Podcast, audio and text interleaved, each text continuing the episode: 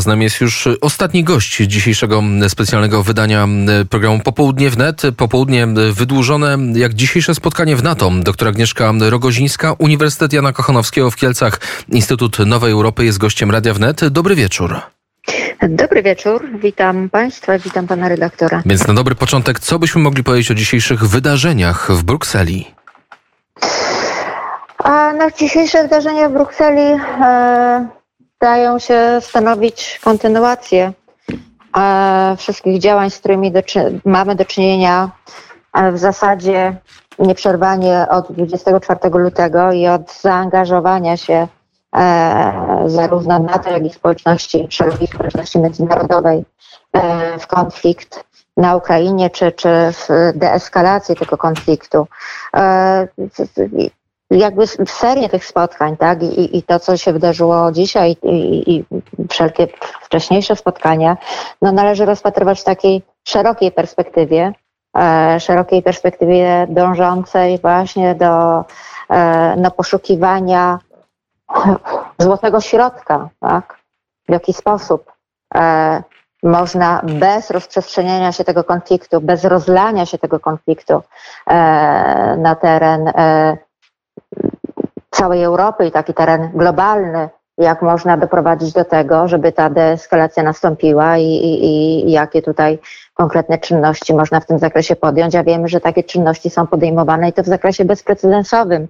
I to zarówno jeżeli chodzi o NATO i postanowienia NATO e, i te, które miały e, i wszystkie te spotkania natowskie, których e, dzisiaj mamy kontynuację, tak? a więc te, które miały miejsce w lutym, te, które miały miejsce e, w marcu i te, które mają miejsce obecnie, a więc dążenie do tego, aby jednak przy nie bezpośrednim zaangażowaniu wojsk NATO, co jest w tej chwili po prostu niemożliwe z różnych powodów, doprowadzić do tego, żeby, żeby no, konflikt wyhamował, żeby, żeby stracił swój impet i żeby przede wszystkim powstrzymać tą e, imperialistyczną politykę Władimira Putina. Więc czy dzisiejsze spotkanie coś uh-huh. przyniosło? Coś nowego? E, uh-huh.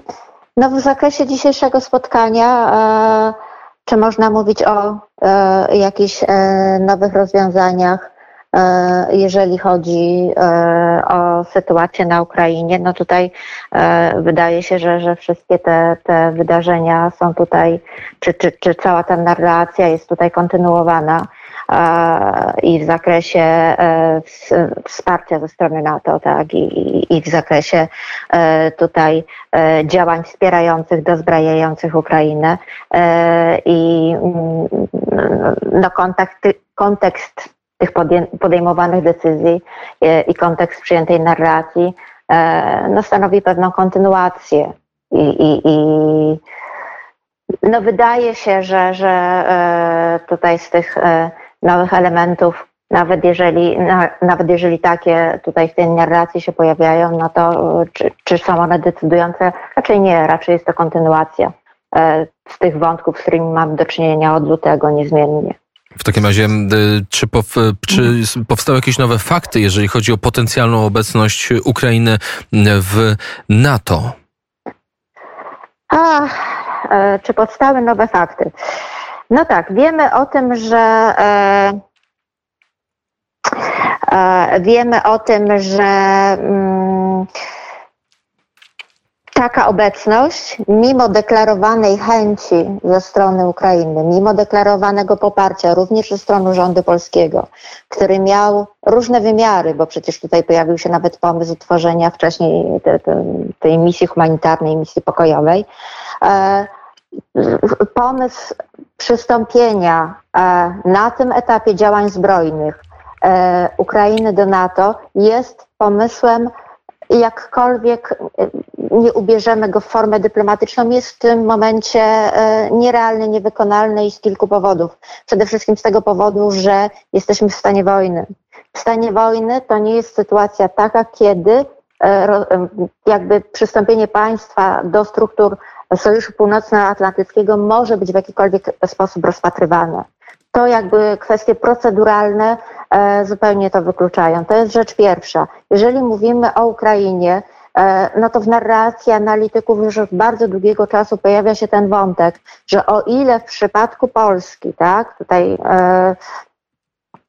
ta kolejność przystąpienia NATO, Unia Europejska, tak w przypadku Ukrainy E, jeżeli już bierzemy pod uwagę możliwość wstąpienia do struktur, e, do tych organizacji e, ponadnarodowych, no to jeżeli już to Unia Europejska, tak, NATO w dalszej kolejności to rozłożone w bardzo dalekim czasie. I wydaje mi się, że tutaj kwestia kwestia wybuchu wojny, tak, i kwestia nawoływania, wielu państw do tego, aby ten akces przyspieszyć, aby pewne procedury nawet złagodzić, nie może być brana pod uwagę w tej chwili. Nie może być brana głównie z tego powodu, że działania wojenne są w toku. I, i, i na jakich zasadach Ukraina miałaby wstąpić do NATO? Rozumiem, że e, no, musiałaby ta, nastąpić deeskalacja. Tak? Nastąpić deeskalacja to znaczy, że w tym momencie e, Ukraina w pewien sposób musiałaby zrezygnować tak, z tych e, terenów, z tych części swojego terytorium, o które zabiega Federacja Rosyjska, więc w takim okrojonym składzie terytorialnym mogłaby ewentualnie o ten akces e, ubiegać się, tak, no ale też na jakich zasadach. Więc w tym momencie, pomimo e, deklaracji daleko idących, głównie ze strony najbliższych sojuszników Ukrainy i tutaj poparcia też udzielanego przez Polskę, w różnych formach, w różnych formach, bo przecież tutaj, jak mówię, pojawiła się również ta forma wysyłania e, misji pokojowej, misji humanitarnej pod auspicjami NATO, co również jest pomysłem nierealnym w tej chwili zupełnie, e, to przystąpienie no, nie jest możliwe. Nie jest możliwe proceduralnie, prawnie. Również wydaje się, że jakby w, w obrębie państw NATO też nie będzie tutaj e, jednego głosu. To na pewno, bo sam mhm. Wołodymyr Załański powiedział przed kilkoma dniami, że nie łudźmy się, nie przyjmą Oczywiście. nas do NATO, musimy sobie sami poradzić, Oczywiście. ale Angela Merkel również mówiła, tak, pomagajmy Ukrainie, ale nie, nie dla Ukrainy w NATO, podtrzymuje to, co w Bukareszcie ustaliśmy w 2008 roku. No dobrze, to to historia. Powiedziała Pani, że w mhm. trakcie wojny kwestie proceduralne wykluczają wstąpienie. Jak rozumiem, wykluczają wstąpienie państwa, które, które jest w stanie wojny, ale nie wykluczają Dokładnie. tego, żeby na przykład do NATO teraz, jeżeli by to chciały, dołączyły Finlandia czy Szwecja, bo takie głosy również powstały. No właśnie, to, to też bardzo ciekawy wątek e, tej sytuacji, z którą mamy do czynienia, bo dzięki wojnie e, Putina prowadzonej na Ukrainie okazuje się, że kraje, które do tej pory e, jakby strzegły tej swojej neutralności, tak? No przede wszystkim Szwecja i Finlandia, ale też wymienia się tu na przykład Danię, Norwegię, nagle te sympatie przystąpienia do struktur e, Sojuszu Północnoatlantyckiego stają się bardzo wyraźnie.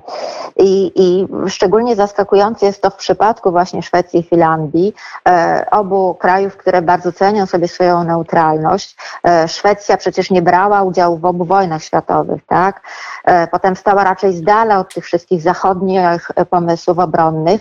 I o ile badania wskazują, że w 2021 roku to poparcie w obu krajach przystąpienia do Sojuszu Północnoatlantyckiego, ono kształtowało się na poziomie 34%. Tak nagle od tak, końca lutego, 24 lutego, w przeciągu miesiąca my mamy y, zwyżki tych notowań od, y, tam się pojawiło najpierw 43%, w tej chwili one jakby eskalują w okolicach 60%. I to jest najwyższy E, wskaźnik w ogóle w historii tych krajów, tak? które, które, jak mówię, no stoją właśnie gdzieś tam na gruncie tej swojej neutralności. I no rzeczywiście takie, takie tutaj głosy się pojawiają, te, te głosy zainteresowania społecznego. Dlaczego? No oczywiście dlatego, że e, e, po pierwsze jakby kraje czują się zagrożone jako tutaj bezpośrednie sąsiedztwo e, Federacji Rosyjskiej jest dla nich bardzo mocno odczuwalne. No wiemy, że Finlandia, no to jest kwestia tysiąca, tam 1340 chyba tej kilometr, 1340 40 kilometrów granicy z Rosją. Wiemy, że dochodzi do incydentów naruszenia przestrzeni e, e, powietrznej, lądowej obu krajów. E, wiemy, że w ostatnim czasie mieliśmy do czynienia na przykład z naruszeniem mm, przestrzeni powietrznej, kiedy nad Szwecję nadleciały drony rosyjskie i sfotografowały elektrownie znajdujące się na terenie tego państwa. Mm, też sfotografowano posiadłość, e, jedną z posiadłości e, rodziny królewskiej, jeden z zamków, tak, nawet e, tam złapano to, tą osobę, która te zdjęcia robiła, ona się podawała za turystę, ale, ale, ale tak nie było. Więc tutaj te sygnały są bardzo mocno wysyłane i po prostu e, oba kraje czują się no, zagrożone w sposób bezpośredni. Szczególnie, I, szczególnie Finlandia. E, teoretycznie od drugiej wojny tak. światowej jest powiedzmy spokojnie. Nie ma roszczeń terytorialnych, tak twierdzą obie strony, chociaż co do mhm. Rosji nigdy nie może mieć takiej pewności. Dlaczego Finlandia? Bo wydaje się, że to ona najgłośniej, właściwie ustami swoich władz, najgłośniej mówi o tym potencjalnym dołączeniu do NATO. Ostatnio premier Sanna Marin powiedziała, że jakakolwiek potencjalna oferta Finlandii, jeżeli jeżeli chodzi o przystąpienie do NATO, musi zostać podjęta przed latem, więc jest tu pewien pośpiech. E, to prawda. To prawda. E, jak mówię, no to, to, to, przyspieszenie tak, tego poparcia społecznego dla idei wstąpienia do, do NATO, no to jest kwestia miesiąca. Te wskaźniki poszybowały w górę. Rzeczywiście wskazuje się tutaj na tą granicę e, bardzo nieodległego czasu, kiedy, kiedy te decyzje mia, e, miałyby zapaść. Wydaje się, wydaje się, że one raczej nie zapadną i tu nawet e, ze strony komisarza Unii Europejskiej pojawiła się, pojawiło się takie zdanie, że no tutaj pośpiech nie jest wskazany, dlatego że, że tutaj powodowane jest to pewnym zaniepokojeniem społecznym, e, tą eskalacją sytuacji e, w wymiarze, no można powiedzieć, regionalnym, globalnym i, i to nie jest dobry e, mm, mm, taki dobry czynnik, który, który stanowiłby o tym, że ten głos jest taki wyważony i rzeczywiście dobrze przemyślany. Wydaje mi się, że jeżeli bierzemy realnie pod uwagę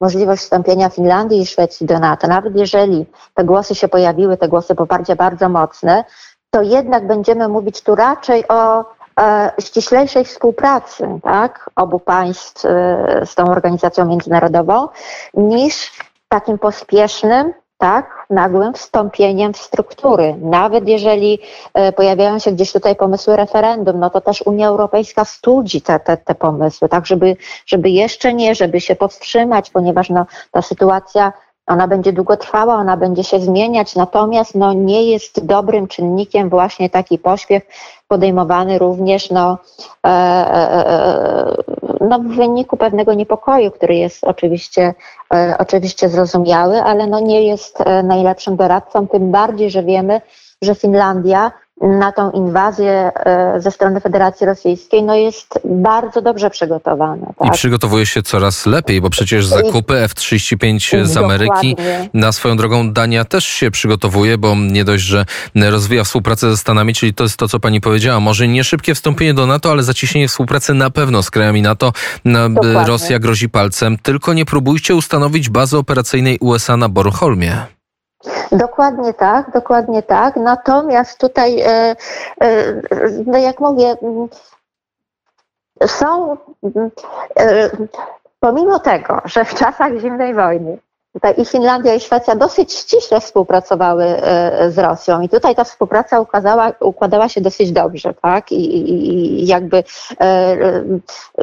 oba kraje dosyć potulnie zachowywały tą neutralność i przyjmowały jednak linię, pewną linię polityki zagranicznej e, dyktowaną e, wówczas przez Rosję. Wydawały tutaj tak tych uciekinierów, chociażby z krajów bałtyckich i tutaj mowy specjalnej o, niezależności czy o własnym zdaniu nie mogło być. No niemniej, niemniej od 91 roku i później w latach już, kiedy przechodzimy do 2000 roku i dalej, już pojawiają pojawiają się pewne takie symptomy tego, że e, kraje, e, tak, i Finlandia, i, i, i Szwecja, ale także Dania są zaniepokojone e, pewnymi, pewnymi tutaj ruchami, które wykonuje Federacja Rosyjska, ale również są bardzo dobrze zabezpieczone, tak, i chociażby Finlandia, ona już w tej chwili w czasie wojny może wystawić 280 tysięcy żołnierzy. E, tam bodajże jest 900 tysięcy przeszkolonych rezerwistów, które, których też może w każdej chwili do tej wojny wystawić. Mm, e, jest bardzo dobrze przygotowana pod względem takim logistycznym, pod względem e, mm, takiej obrony cywilnej, doskonale wyposażona we własne schrony. Zresztą oni mają przygotowane plany obrony, tak? Wysadzenia pewnych szlaków morskich, wysadzania mostów to jest ta fińska strategia kompleksowego bezpieczeństwa, tak? czyli takie bardzo kompleksowe e, przygotowanie na potencjalną obronę. Do tego dochodzi to, że oni są przygotowani chociażby pod takim czystym względem logistycznym, że tam na 6 miesięcy bodajże mają zgromadzonych, e, e, zgromadzone paliwo i zboża, na okres tam do 10 miesięcy leki, więc tutaj Rzeczywiście to przygotowanie jest bardzo kompleksowe na gruncie infrastruktury krytycznej. E, jakby wszystkie te elementy infrastruktury krytycznej, a więc elektrownie, e, zaopatrzenie wody, wszystkie te zakłady, firmy, które się tym zajmują, oni się spotykają kilka razy w ciągu roku, jakby ustalają taką gremialną politykę tak, współpracy, które elementy należy wzmocnić. Więc tutaj to przygotowanie jest no, no, bardzo dobre i bardzo mocne. A proszę zwrócić uwagę, że mimo wszystko, tak, mimo wszystko, jednak tutaj to oparcie o sojusze międzynarodowe w tej chwili oparcie konkretnie o NATO, no nawet dla takich krajów tak dobrze przygotowanych, zabezpieczonych, e, no staje się bardzo istotnym elementem, więc, więc e, e, no być może też wywiad tych krajów wie o takich rzeczach, które zapewne do, do wiadomości publicznej jeszcze nie są podane, ale możemy, możemy tylko się, możemy się tylko domyślać, tak, jak poważne jest to zagrożenie. Więc na koniec poważnie... można, można by mhm. zacytować e, słowa pani Marin, e, premier Finlandii. E, mhm. Finlandia poniesie konsekwencje zarówno wtedy, gdy zdecyduje się na przystąpienie do sojuszu, jak i wtedy, gdy zdecyduje się pozostać poza nim. Więc tak, jak pani mówi, pewnie informacji jest więcej, jeżeli chodzi o Dokładnie. głowę rządu. No i jeszcze jedno zdanie na koniec w takim razie, żeby dopełnić. Rosja nie jest takim sąsiadem, za jakiego ją uważaliśmy. Stosunki między Finlandią a Rosją zmieniły się nieodwracalnie powiedziała premier Sana. Marin. Tu postawimy kropkę. Dziękuję serdecznie za rozmowę. Doktor Agnieszka Rogozińska, Uniwersytet Jana Kochanowskiego w Kielcach, Instytut Nowej Europy była gościem Radia Wnet. Dziękuję i do usłyszenia. Do usłyszenia. Dobranoc.